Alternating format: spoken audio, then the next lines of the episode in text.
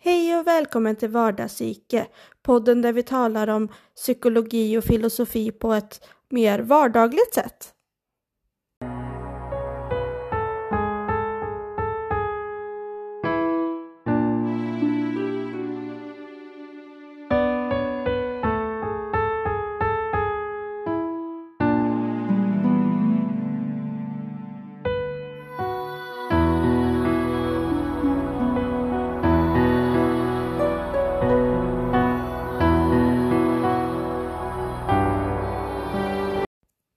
I dagens avsnitt tänkte vi prata om dissociativ identitetsstörning och om att våga göra sin röst hörd i denna väldigt högljudda värld när man kanske inte är så högljudd själv.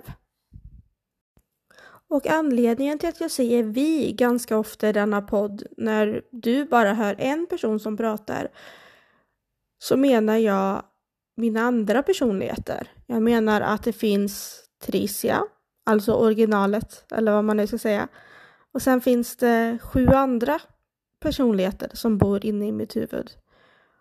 Och med vi menar jag att vi som utgör min helhet pratar om psykologi och filosofi på ett vardagligt sätt. Jag fick nämligen diagnosen dissociativ identitetsstörning eller dissociativ syndrom som man också kallar det när jag var cirka 13-14 år och då gick jag på BUP. Eh, och det var då jag fick reda på att, att ha flera personligheter, eller som man säger på engelska, flera alters, är inte något som alla har, utan det är någonting som en väldigt liten mängd människor har. Det är faktiskt ganska ovanligt att ha den här diagnosen, förklarade min psykolog för mig jag förstod ju inte vid den åldern att inte alla andra tänker som jag. Eller att inte alla andra också har det som jag. Jag förstod ju inte vid 13 års ålder att detta är en diagnos och ett tillstånd som bara jag har. Eller inte bara jag, det finns ju fler än jag som har annars hade det inte varit en etablerad diagnos. Men jag menar att vanligt folk inte har, har det så här i sitt huvud. Det visste ju inte jag. Psykologen förklarade i alla fall för mig att det jag upplever som flera delar av mig som inte alltid kommer överens är för att dessa olika delar av mig har olika sätt av personligheter eller olika sätt av karaktärsdrag snarare. Varje personlighet har sina egna karaktärsdrag. Det är inte bara som att det finns olika delar av mig som är en endimensionell karaktär, utan det är varje personlighet inuti Tricia har sina egna karaktärsdrag och sätt av karaktärsdrag. Jag kan alltså gå lite out of character ibland. Att jag ja, beter mig som att jag inte inom citationstecken är mig själv när jag har någon av de andra personligheterna vid medvetande istället för originalet eller vad man ska säga. Och då kan det bli som att andra som är vana vid Tricia inte till exempel känner igen mig när jag är, låt säga Cassandra, som är en av mina andra alters. Och då kan det bli att de undrar vem är du och vad gör du här och varför, eh, vad händer nu? De känner inte igen mig helt enkelt. Och det är inte så konstigt för jag är inte Tricia just då utan jag är Cassandra. Och Cassandra har sina egna karaktärsdrag. Det är inte bara en, en liksom endimensionell typ av mig eller en jag vet inte hur jag ska förklara, men typ en... En... Eh, hur ska jag förklara? Det blir svårt att förklara nu. Men inte bara ett karaktärsdrag, utan varje personlighet har som sagt flera karaktärsdrag, så de blir som helt egna personer. Till exempel en personlighet kan ha helt annan musiksmak än en annan personlighet. Och en av mina personligheter kan ha helt annan i helt annat sätt att tänka på, en helt annan personlighet och så vidare. Ingen av mina personligheter eller mina alters är farliga. Inte för en annan än mig själv i alla fall. Eh, det finns ju vissa alters som är lite mer, eh, hur ska man säga, självskadande. Men ingen av dem är utåtagerande eller typ farliga för samhället eller farliga för andra människor. Eh, utan det är snarare i så fall att de är farliga för Tricia. Men med tiden som jag växer upp så växer också mina altars upp.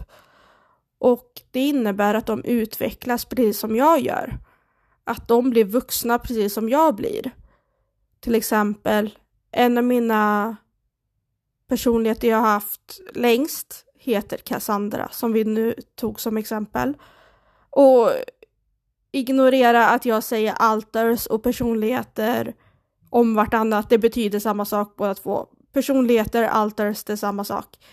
Eh, men jag säger det lite blandat för att alters är ju engelska och personligheter är svenska. Men jag tycker att alters egentligen är ett mer representativt ord än vad personligheter är. För personligheter har en lite negativ, en negativ betoning eftersom det kom, alltså man, man tänker på personlighetsklyvning, vilket är ett väldigt offensivt ord eller liksom dåligt ord för det här tillståndet och jag gillar inte det.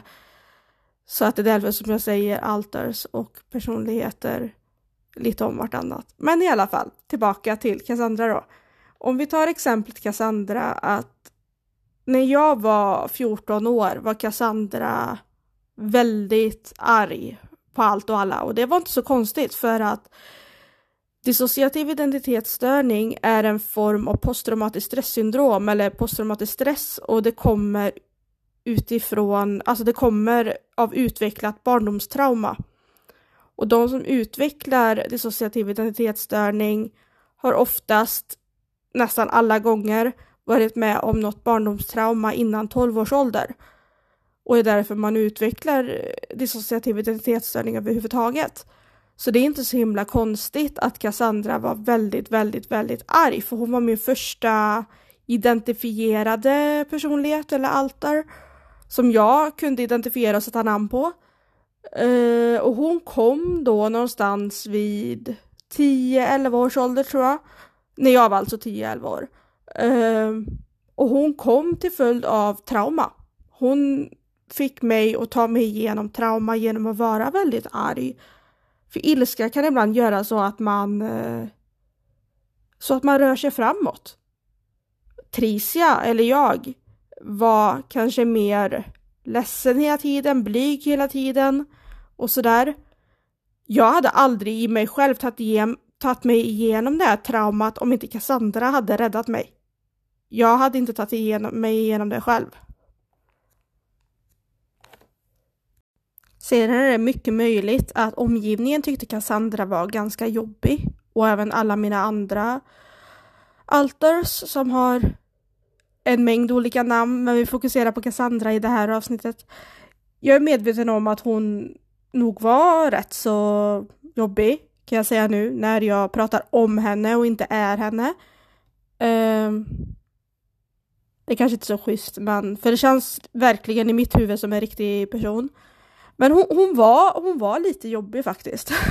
det tyckte typ alla runt omkring mig och jag förstår det, men för mig var det ett sätt att överleva. Och helt ärligt, vad alla andra tyckte om Cassandra är ju egentligen inte relevant, för utan henne hade jag kanske inte suttit här och spelat in detta avsnitt. Så jag har ju henne att tacka, även om hon var taskig mot mig med och mot hela världen egentligen.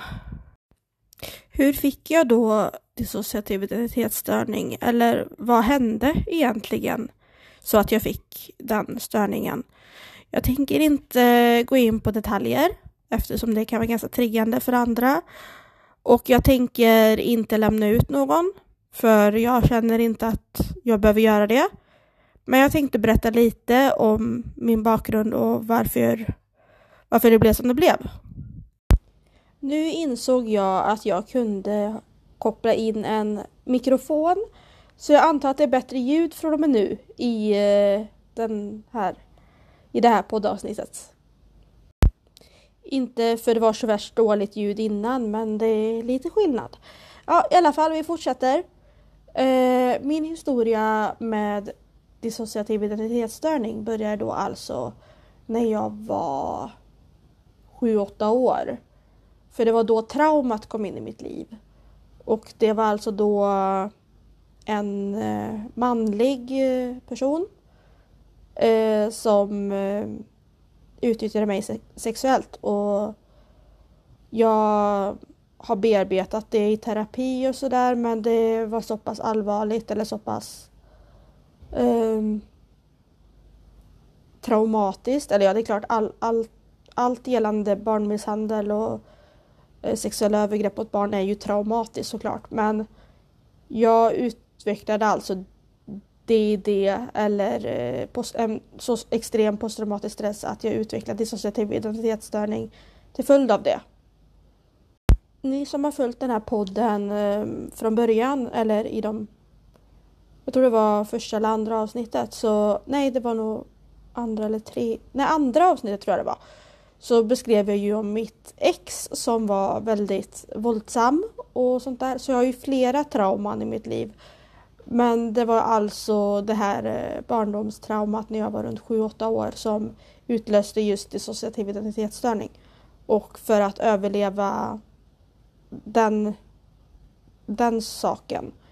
Och eh, jag har varit med om mycket. Jag tror en stor del av varför just de här händelserna utvecklades i dissociativ identitetsstörning också är för att jag var väldigt mobbad i skolan och det gjorde mig väldigt sårbar redan innan det här hade hänt.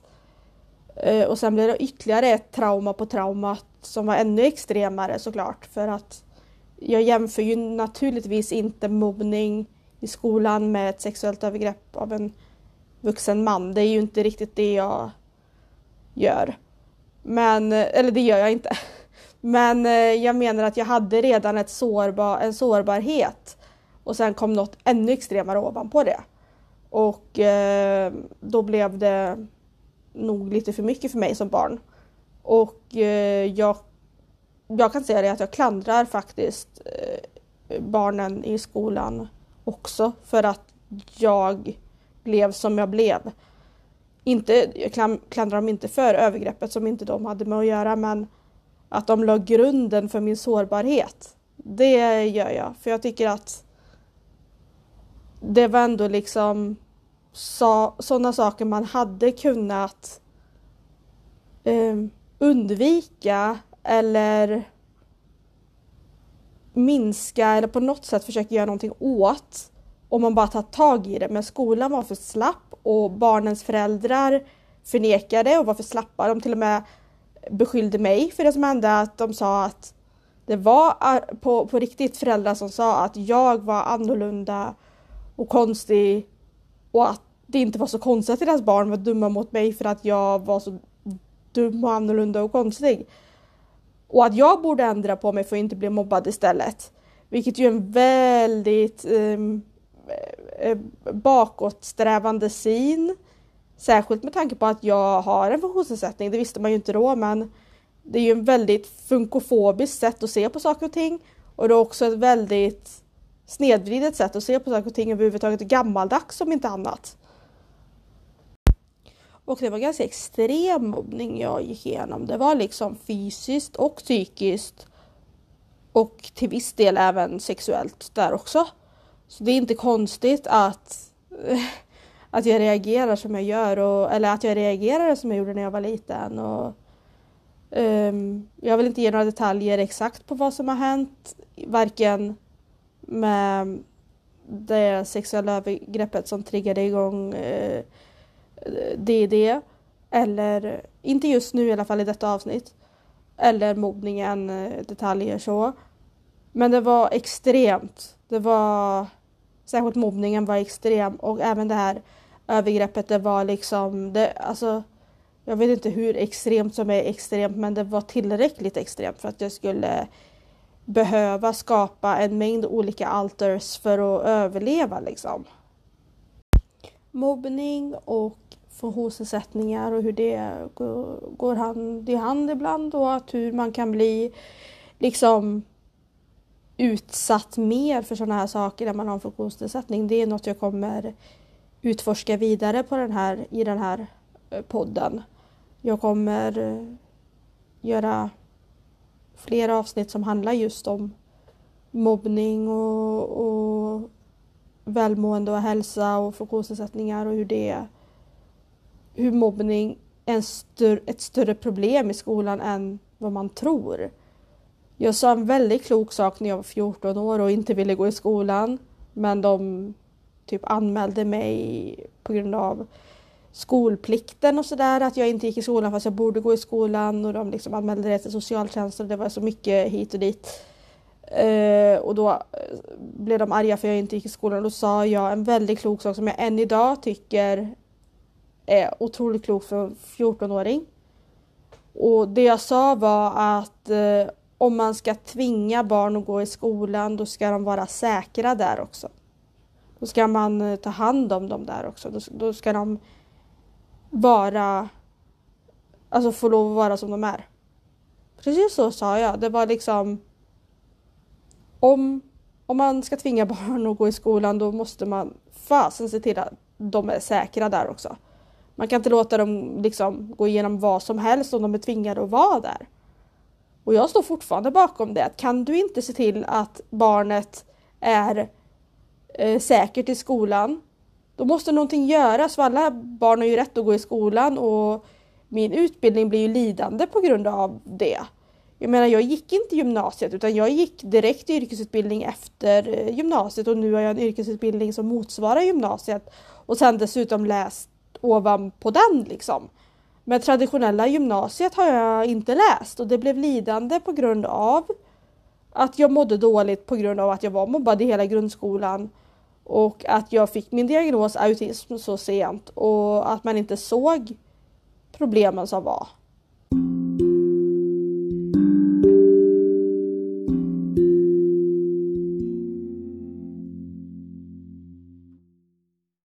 Hur kan man då återhämta sig från dissociativ identitetsstörning? Grejen är ju att man inte kan bli helt frisk från det, eller det är en kronisk eh, i många fall diagnos. Men man kan återhämta sig och bli nästan helt återställd.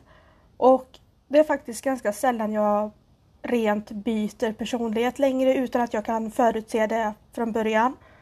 Och när jag byter personlighet så är det väldigt ofta att jag antingen på ett omedvetet plan väljer det eller att jag eh, går igenom något traumatiskt. Eh, men det traumatiska brukar ju inte ske så mycket längre eftersom mitt liv har förändrats ganska avsevärt och jag lever ett mycket tryggare liv nu. Men när jag då byter personlighet kan jag förutse det i, i förväg och gör det för att jag behöver skydda mig själv. Eh, men eh, oftast gör jag det faktiskt inte alls längre och det är för att jag har återhämtat mig väldigt bra från min, från min sjukdom. Jag kan dock byta eh, personlighet eller alter eh, när jag försöker skydda mig själv. Eller när jag tror att jag försöker skydda mig själv. Och jag kan eh, behöva skydda mig själv om, jag, om något påminner om trauma. Så jag kan alltså byta personlighet om någonting i min omgivning eller något som dyker upp påminner om något traumatiskt. Då kan jag för att skydda mig själv på ett sätt välja att byta personlighet och på ett sätt kanske göra det spontant men det är nästan alltid ett val i mitt fall. Det kanske inte betyder att jag tänker ja nu ska jag byta personlighet. Så är det ju inte riktigt, det är mer automatiskt än så.